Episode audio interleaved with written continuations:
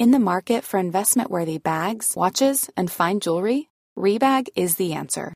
Rebag is a luxury resale platform where each piece is carefully inspected by experts to ensure quality and authenticity. Use Rebag to buy and sell finds from the world's top brands, including Louis Vuitton, Chanel, and Cartier. Head to Rebag.com to get 5% off your first purchase with code REBAGNEW. Shop today at Rebag.com. That's R E B A G.com. And use promo code REBAGNEW for 5% off your first purchase. I'm Sandra, and I'm just the professional your small business was looking for. But you didn't hire me because you didn't use LinkedIn jobs. LinkedIn has professionals you can't find anywhere else, including those who aren't actively looking for a new job but might be open to the perfect role, like me.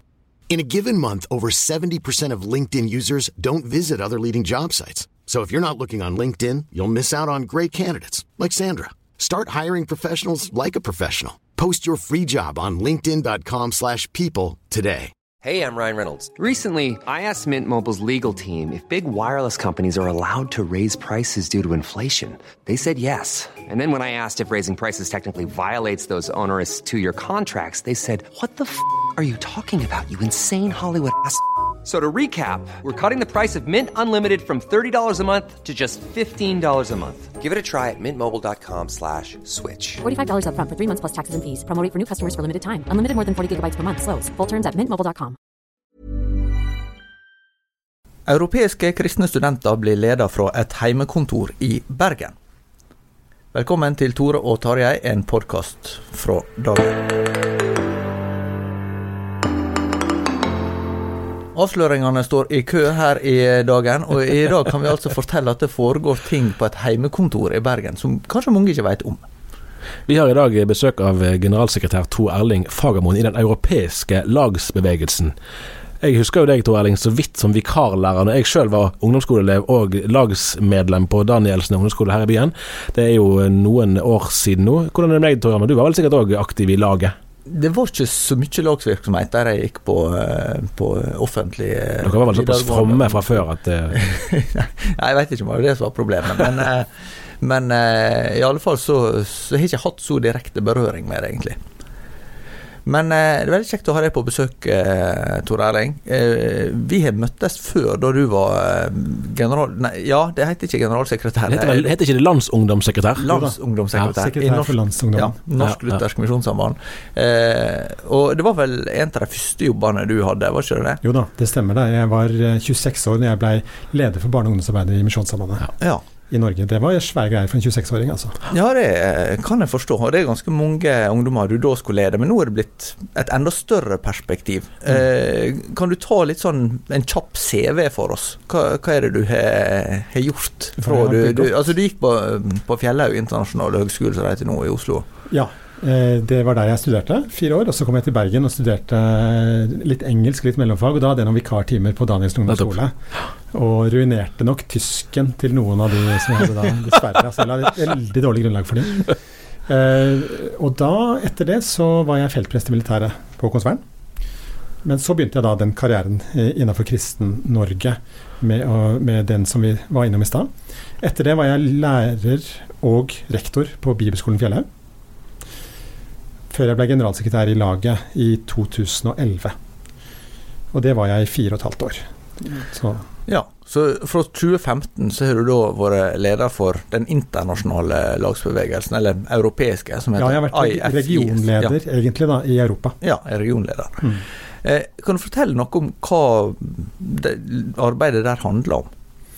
Ja, altså jeg var jo generalsekretær sjøl, så jeg vet jo veldig godt at eh, det kan ikke komme noen fra et annet land og fortelle oss hvordan vi skal gjøre lagsarbeid. Mm.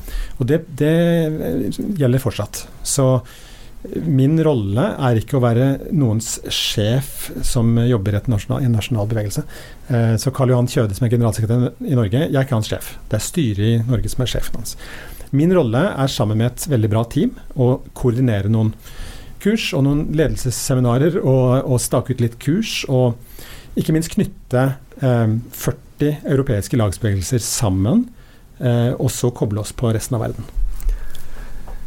Hvis du skal gi en sånn introduksjon til, til dette, så er det jo som du sier 40 land. Det er jo veldig mye og veldig forskjellig. Men hva er det som på en måte, for din del framstår som Hva er det, hva er det som binder disse lagsbevegelsene sammen?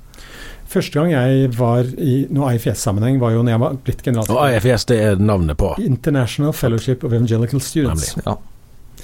Eh, annet eh, dratt i gang av Carl Fredrik Wisløff i sin tid. Ja. Det, kan, det bør jo være av interesse ja, for en veldig kjent norsk eh, teologiprofessor. Ikke sant? Ja. Så, så 1947 starta det. Men første gang jeg fikk befatning med IFS, det var i 2011. Da var det World Assembly i Polen. Og da fikk jeg jo møte folk fra hele verden. Eh, faktisk, altså. Nesten samtlige land i verden var i Polen på det tidspunktet. Og det som slo meg da, når, når vi satt i salen Jeg hadde vært på store konferanser før.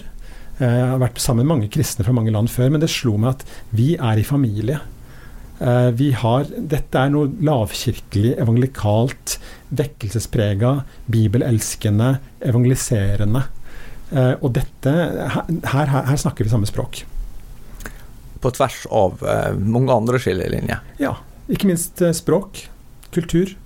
Men, eh, men det, er, det var et, et enormt sånn følelse av, både i, i lovsangen og i bibelundervisningen, at, at vi, vil, vi er her for en grunn, og vi er her for det samme.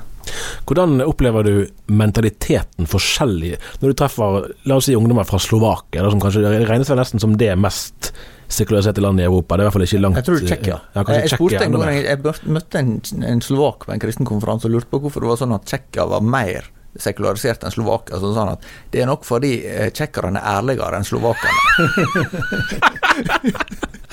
Ok, nei, men da sier vi, da sier vi Tsjekkia, da. Når du møter en skoleungdom fra Tsjekkia, eh, som åpenbart må ha en enda sterkere minoritetsopplevelse enn det norske skoleungdommer har.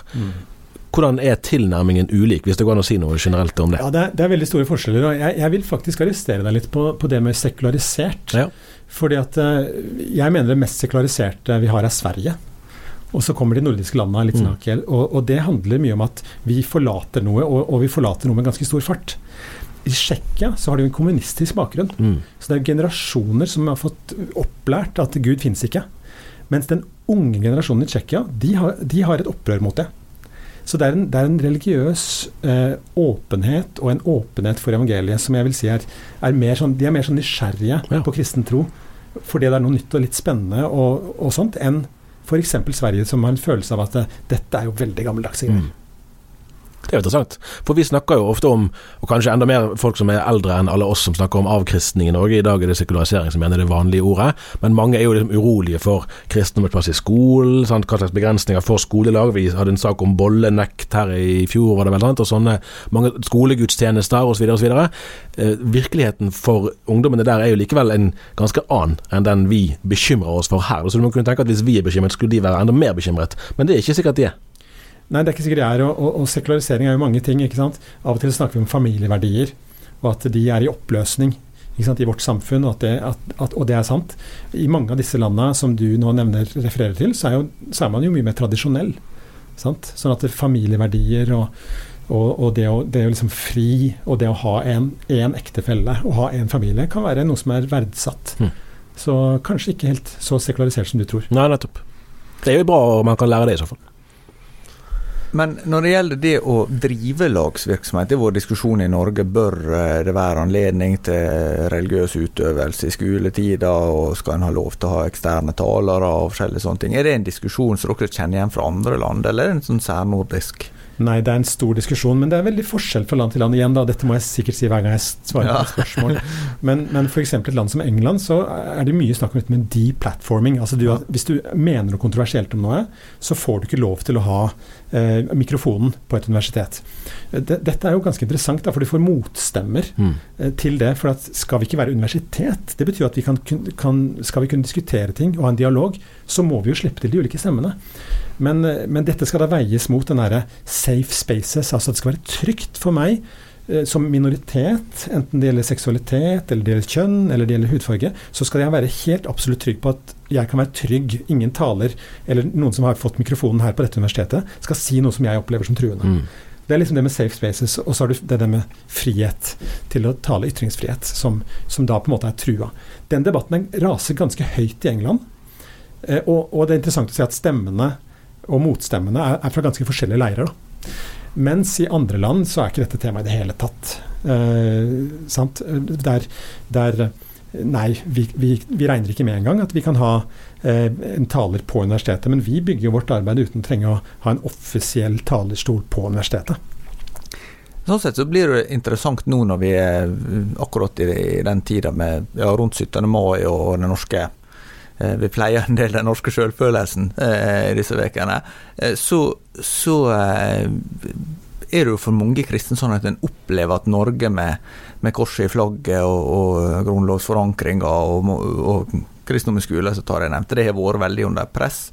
Eh, men, men, har du gjort deg noen tanker om det, det i, i, Norge kan bli en slags nostalgi rundt, rundt, det som handler om kristen arv? Mer enn at det handler om ei, ei tru som på en måte altså, Vi hadde jo Jarle Haugland i Tro og Medier som gjest her tidligere, som snakka om den kristne arven. Den er noe som ligger i framtida. Mm. Altså det, det, er et, et, et, løfte om noe som, som er gitt i trua, da. Mer enn ei gyllen fortid som var en gang. Jo da, jeg, jeg, tror nok at, at mye, mye sauser sammen her. Eh, og at, at, alle mennesker er jo trygghetssøkende. Og, og, følelsen av at det var bedre før og tryggere før, eh, er jo veldig enkelt for alle å, ty til. Da. men jeg er litt sånn som Jarle, en, en, en, optimist og en futurist, og tenker kanskje mer på dette med, med hvilke muligheter finnes det for å forkynne evangeliet? Hvilke muligheter finnes det for at nye kan komme til tro? Eh, og, og, der er det jo ikke noe som tyder på at det er vanskeligere i Norge i dag enn det var for 10 eller, eller 15 år siden. Tvert imot. Um, og så er det klart at, at, mye av disse store spørsmåla som, som, handler om eh, endring av samfunnet, eh, oppleves truende og er, er negative.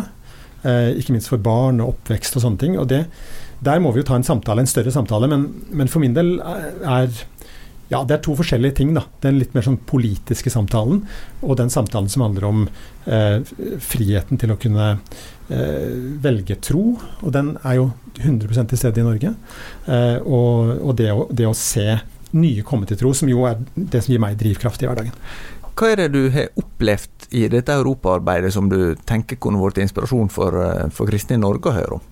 Du skal gjøre noen utvalg. Ja, det er eh, Jeg opplever at jeg vi gjorde en undersøkelse eh, i 2015 der vi stilte spørsmålet hvor mange kom til tro eh, i din lagsbevegelse, din nasjonale lagsbevegelse i løpet av i fjor. Og Da var det 26 land som sa null. Og det var en sånn rystende bevegelse, eller rystende opplevelse eh, for oss. Da satte vi i gang en, del nye tiltak, eh, bl.a. å utveksle best practice, eh, eller gode eh, måter å gjøre ting på, fra de landene som lyktes. Eh, og så har det endra seg. Så det har vært en, en enorm eh, det har vært veldig spennende å se hvordan stadig flere land ser at studentarbeidet fører til at folk kommer til tro. Og da er det ikke minst England som har vært i førersetet, med noe som kalles Uncover. norske lesere husker kanskje Becky Pippert, ja. som skrev boka 'Ut av saltbøssa'. hun sto bak det første Uncover-studiet i 2012. Jeg var i England når de lanserte det. Det har en, blitt en kjempesuksess. Og Det handler om noe så enkelt som å invitere vennene dine til å lese Bibelen sammen med deg. Ett evangeliet sammen med deg, og så, og så finnes det noe sånn samtaleopplegg rundt det. Og, og, det rare er at dette fungerer. Altså. Så I fjor så passerte man 500 nye som kom til tro i den engelske lagsbevegelsen eh, på et år. Og det, det er jo inspirerende, syns jeg.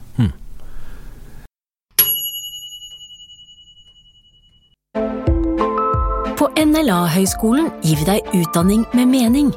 Og samfunnet trenger både sannhetssøkende journalister, kloke pedagoger, etisk bevisste økonomer og musikere som berører. Sjekk ut NLA-høgskolens studietilbud på nla.no, eller besøk et av våre studiesteder i Bergen, Kristiansand eller Oslo. Hva med de kulturelle forskjellene du ser der ute? Eh, kan, du, kan, du, beskrive litt det kartet som vi ser i Europa? For vi har jo et kontinent som er preget av kristen kultur, men på veldig forskjellige måter. Hvordan preger det arbeidet deres? Ja, eh, Europa er jo, er jo, delt på mange måter. Du, du, du, kan dele på litt forskjellig vis, men, men tidligere østblokken eh, er fremdeles den den delen av Europa som er mest fattig. eh, og ikke minst Balkan, de ti landa, eh, Serbia, Bosnia, Albania, de landa, er, opplever veldig mye fattigdom og arbeidsledighet. Um, men det religiøse kartet er jo kanskje prega av eh, det store skismaet i 1054, hvor du har noen som da er ortodokse land, mens andre er i mer katolske Mm. land. Og så er det noen land som er vest, det vi kaller vestland, som er mer protestantiske land. Dette gjør jo at du har et ulikt kulturelt oppland eh, også, eh, på mange måter. Så eh, ja, språk. Det er 225 levende språk i Europa. Eh, det er ikke så mange jeg behersker, da. De, de eh, lagsbevegelsene som er i land som har en, en, en dominerende katolsk eller ortodoks tradisjon, eh, hvordan eh, altså ser de på, på de respektive kirkene som medspillere eller som motspillere, for å si det sånn? Ja, det er, nok, det er nok et visst sånn skille mellom de kirkene og det vi, det lagsbevegelsen står for. Men, men det vi gjør når vi jobber, jobber med studenter, er at vi, vi plasserer det jo i grupper, Mm. eller de, de havner i grupper med folk fra forskjellige kirkesamfunn.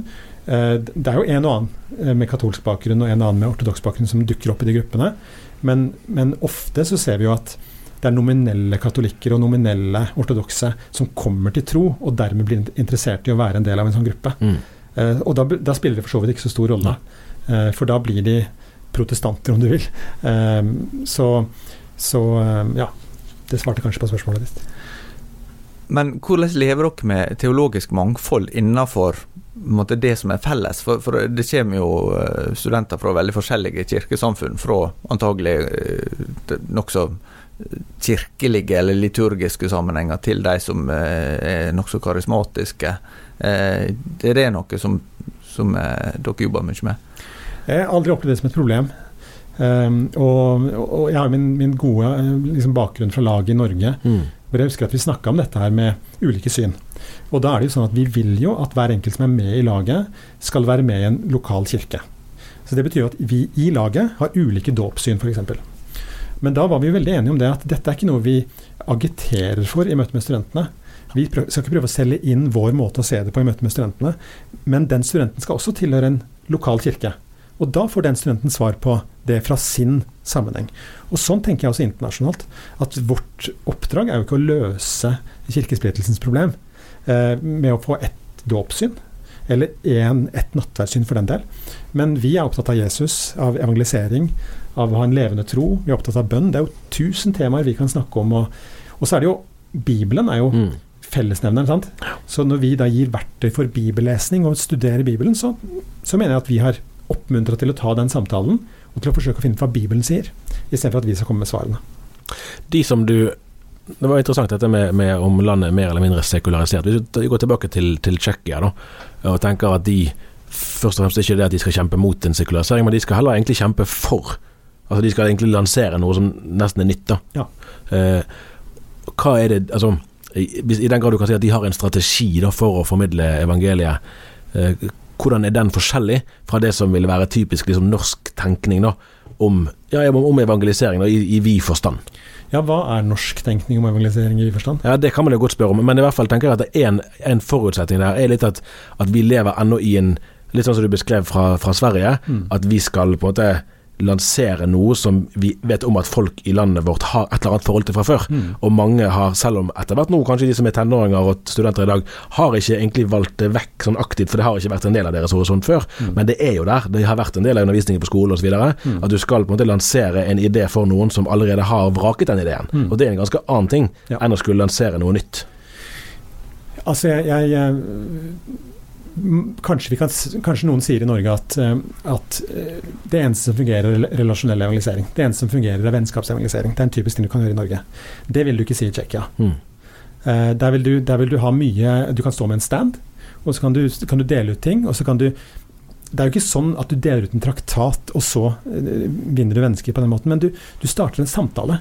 Du kan f.eks. ha en kunstutstilling på campus, og så kan du, kan du si Hvis du ville stilt Gud et spørsmål, hva ville du stilt han? Eh, og så kan du, kan du engasjere folk. Det er veldig mange kreative måter å, å komme ut med. Eh, og, som, og så inviterer man gjerne da inn til samlinger som har en, en, eh, en offentlig tale, ved, lunsjtid og på kvelden, som kanskje svarer på noen spørsmål som studentene har. Eksistensielle spørsmål. Kan det finnes en god gud når det er så mye vondt i verden? Hva med ensomhet? Mm. Mener Gud noe om og så, videre, Og så og de spørsmålene som folk eh, har, og de, så de, de kan på en måte engasjere folk litt sånn fra null. Eh, I Norge så tror jeg kanskje at man tenker at hvis jeg skal ha en stand, så er jeg usikker på om noen vil være interessert i Mm. å komme på en tale etterpå, for de er, de er redde for at det lukter kristenmannsblod. Ja. Eller som en sa ehm, jeg, jeg aner ikke hva, hva som er svaret, men jeg vet i hvert fall at ikke det er Jesus. Det er litt sånn norsk måte å gjøre det på. Eller si det på. Men, si, men f.eks. Tsjekkia, da, for å ta ett land, Ja, ja. så, så tror jeg det vil være nysgjerrighet på disse kristne Mm. som, eh, som, som er litt sånn fersk, og, og det gjør det jo veldig spennende. Hva kan eh, norske kristne lære av det du eh, har tatt med Altså, Er det noen ting som som du, du liksom tenker at eh, her, her er vi litt eh, Litt å la ja, ta hjem igjen, da? Jeg, jeg tenker jo at vi i norsk kristenhet kaster bort mye tid, og at vi, er, at vi bommer på hva vi bruker tiden på.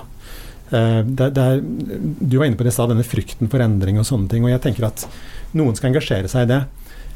Men, men jeg er veldig inspirert av det jeg møter internasjonalt. Ikke bare i Europa, men i verden. Nå representerer jeg jeg er en av elleve regionledere i verden, da, så jeg møter også de andre globale lederne med jevne mellomrom. Og det er fantastisk inspirerende å se f.eks. det globale sør. Hvordan eh, evangeliet fosser fram, og Mm. kontinenter blir kristne. Det er, det er ikke sekularisering som skjer i Afrika, det er det motsatte. Eh, og i Asia. Så vi ser liksom at den, den styrken og den kraften som fins i troen, eh, og i evangeliet og i Guds ord, den, den, den finnes det en enorm frimodighet på der ute. Da. Så det er sånn som jeg kjenner at jeg tar med meg hjem. Og det er en frimodighet på Guds ords vegne, eh, og det er en frimodighet på evangeliets kraft. Mm. Eh, så jeg er Når jeg, som jeg jo gjør med jevne mellom taler i Norge og bruker tid med kristne i Norge, så kjenner jeg at det, Og jeg skulle ønske jeg kunne tatt dere med Mm. til å se det som skjer. For at det er eh, det er ingen grunn til å tenke at her er, her er grunn til å legge opp, her er grunn til å slutte, her er grunn til å gi opp, eh, sånn som vi kanskje kan få en følelse av når vi ser på tallene. i Norge. men, men hva mener du med at norske kristne kaster vekk tid? Hva, hva går tida til? Nei, det er mange, jeg syns det er mange debatter som er litt sånn eh, meningsløse. Eh, kanskje bruker vi altfor mye tid på interne debatter og interne samtaler oss imellom. eh, og, og, litt sånn som vi snakka om i stad. Den, den interne debatten om det ene eller det andre Mm. tar opp veldig mye stor plass. Da. Mens vi egentlig kunne eh, satt av mye mer tid til å bygge relasjoner med ikke-kristne, og til å gi dem en smak av Mm. Jesus. Eh, og det høres ut som en sånn Ja, det er kanskje utopisk, men, men det er vel det jeg mener. Mm. Eh, I laget så ønsker vi å komme ut. Eh, Vi ønsker å ha f.eks. Grill en kristen. Uh, ønsker å, å, å være offentlig med troen vår. Uh, og, og vi gjør det på vegne av Kristen-Norge i skolesegmentet og studentsegmentet. Uh, sammen med andre gode aktører. Og det skulle jeg ønske jeg så mer av i alle generasjoner. Mm. Uh, og, og, og mer av i for så vidt i studentgenerasjonen også. Så er det noen forklaring på at uh, kristne blir så innadvendte? Nei, det er vanskelig å forklare det. eh, men jeg observerer det. Jeg observerer det. Student, eh, altså Hva studenter snakker om, er jo gjerne en sånn indikasjon på, på store trender i samfunnet. Nå For et par år siden var det 50 år siden 1968. Og Vi snakker jo om 68-ere, selv om det kanskje ikke er så mange nå som har et forhold til det begrepet. Så har det vært det i flere tiår før, at der ble det satt noen sånne kulturelle føringer som har vært med oss på mange måter i årene etterpå. Og det var jo òg et, et, et forgudsopprør, kan vi vel si, i den, i den eh, epoken. Eh, dette er kanskje litt for filosofisk, da, men det er jo spennende likevel. Martin Luther spurte hvor kan jeg finne en nådig gud. Eh, Jeg husker Egil Svartdal sa en gang at vi kristne i dag, vi har jo ikke svarene, vi har ikke engang spørsmålene. Hvis du skal prøve å, å sammenfatte hva er det, hva er spørsmålet da, til dagens studentgenerasjon, og ikke bare i Norge, men i det perspektivet som du får mye tettere enn mange av oss andre. Det, altså Hvis man skal tenke her, her er, hvor er døren for evangeliet, det dette er det de lurer på. Vi har hatt en stor, eh, en stor samtale som vi har så vidt starta på i AFIS nå, globalt, og eh, fått inn svar på noen av de spørsmålene du stiller nå. Hva er, det, hva er trendene, hva er de globale trendene, hva er det man snakker om? Og da kommer eh, eh, liberalisering høyt opp. Det oppleves som en, som en trussel. At verden liberaliseres, kanskje Mm. mer enn sekulariseres. Mm. At den liberaliseres. Og det, og det gjelder liksom på tvers av uh, fattige og rike land og ja. Ja, kontinent og alt. Det gjør det. Og så er det samtale selvfølgelig om klima. Ikke selvfølgelig, men, men, der er det nok mer vi i Europa og vestlige land som bringer det opp enn en det globale sør. Eh, korrupsjon er et stort tema. Mm. Eh, det er nok da mer det globale sør enn f.eks. hos oss i Norge. Men, eh, men, dette er noen av de trendene som det snakkes om. da. Og jeg opplever jo at eh, det jeg sa i stad om at vi er, vi er opptatt av evangelisering, det er vi. Men vi er også opptatt av hele mennesket. Og hva det betyr å være student i dag. hva det betyr å eh, Så f.eks. Eh, temaer som handler om, eh, om trakassering, mm. eller, eller eh, Hva heter det på norsk? bribery. Ja, bestikkelse. bestikkelse ja. Dette at du må på en måte gjøre sånn eller sånn for å kunne få gode karakterer. Dette er jo en form for korrupsjon. ikke sant? Uh, og så er det store sånne trender som, uh, som foregår i universitetsverdenen med at alt digitaliseres. Det blir endringer i uh, Ja, ofte så er det de store universitetene kjøpes opp av de store corporate mm. companies og sånne ting, som gjør at den noble og edle kunnskapen, mm. for kunnskapens skyld, kan, kan, vike for en mer sånn litt hard markedstenkning. Da. Så det er mange sånne ting som, som rører seg.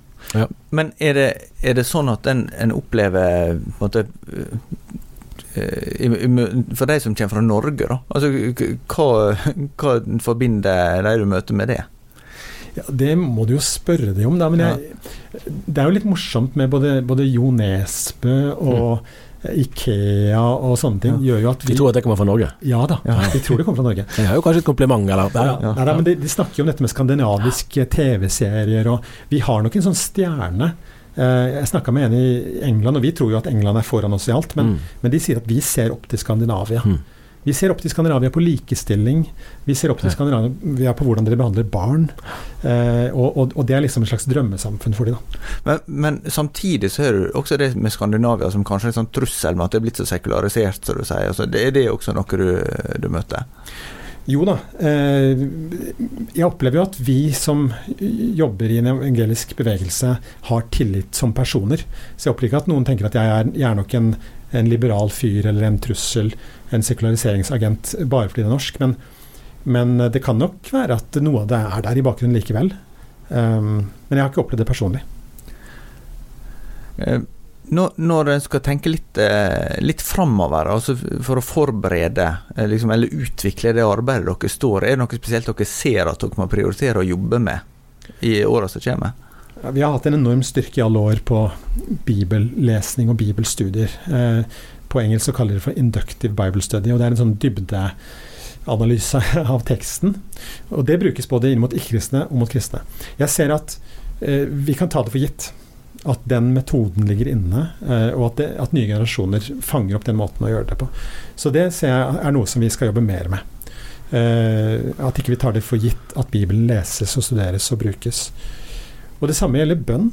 Jeg tenker at eh, ja, I stad så spurte du meg, Tore, hva er grunnen til at vi har blitt så innadvendte i Norge?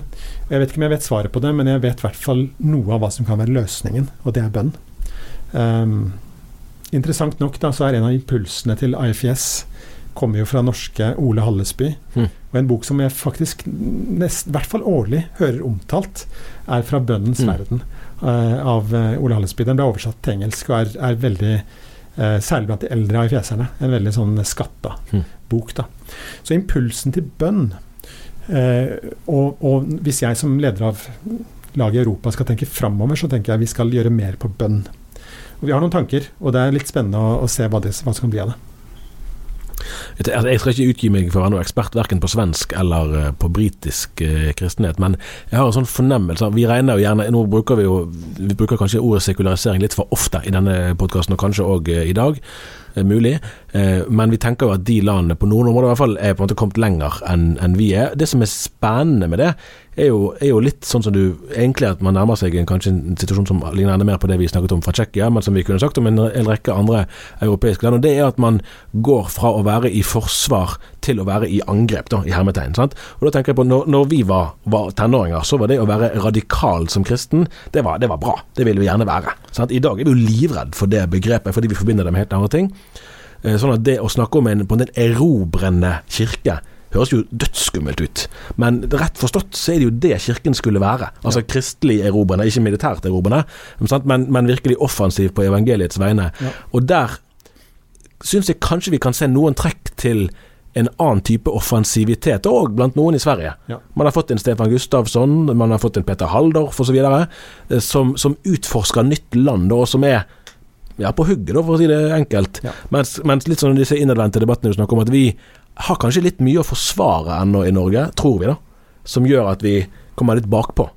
Eh, og da har ikke du så mye å melde i en, overfor et sekulært menneske, eller et menneske som ikke har noe forhold til Gud i utgangspunktet. Det er jo ikke krangling om stridsspørsmål som, som fører de menneskene til Gud, nødvendigvis. Nei, jeg er enig, enig med deg. Og, og, det du sa om at kanskje f.eks. England har kommet lenger nå, så jeg er ikke sikker på hva du, hva du tenker da. Men jeg ser i England at de har kommet lenger enn oss på akkurat det du sier nå, mm. med en offensiv kristendom. Uh, og de Jeg vet ikke om dere fikk med dere de statistikkene som kom nå midt i koronakrisen. Uh, de gikk altså fra kirkebesøk på 5% som er vanlig i England, til at nå under koronakrisen så har 25% av ja. den vanlige engelskmannen logga seg på en nettgudstjeneste. Uh, og, og, overvært mer enn bare noen sekunder da, mm. eh, i, i, i, disse, i, disse, månedene. Så jeg, jeg, er jo litt sånn optimist også på det, da. At uh, i bakkant av denne krisen og det, og det enorme nøden som er, f.eks. Mm. i England, så er det også en, en søkning til Gud. så det er noen tegn i tiden på at og, og, det, og, det, er klart, da må man være klar. og det mener jeg at England er i, i større grad enn vi er. Ja, ja. Vi kunne snakka mye lenger, men jeg tror vi sier at det var så langt vi eh, kom i dag. Takk til deg, Tor Erling Fagermoen. Velkommen tilbake. Velkommen tilbake. Og det foregår altså uh, ting av europeisk betydning på et heimekontor uh, i nærhet av, uh, av Bergen. Tenk på det. Hør på oss igjen neste uke. Nettopp.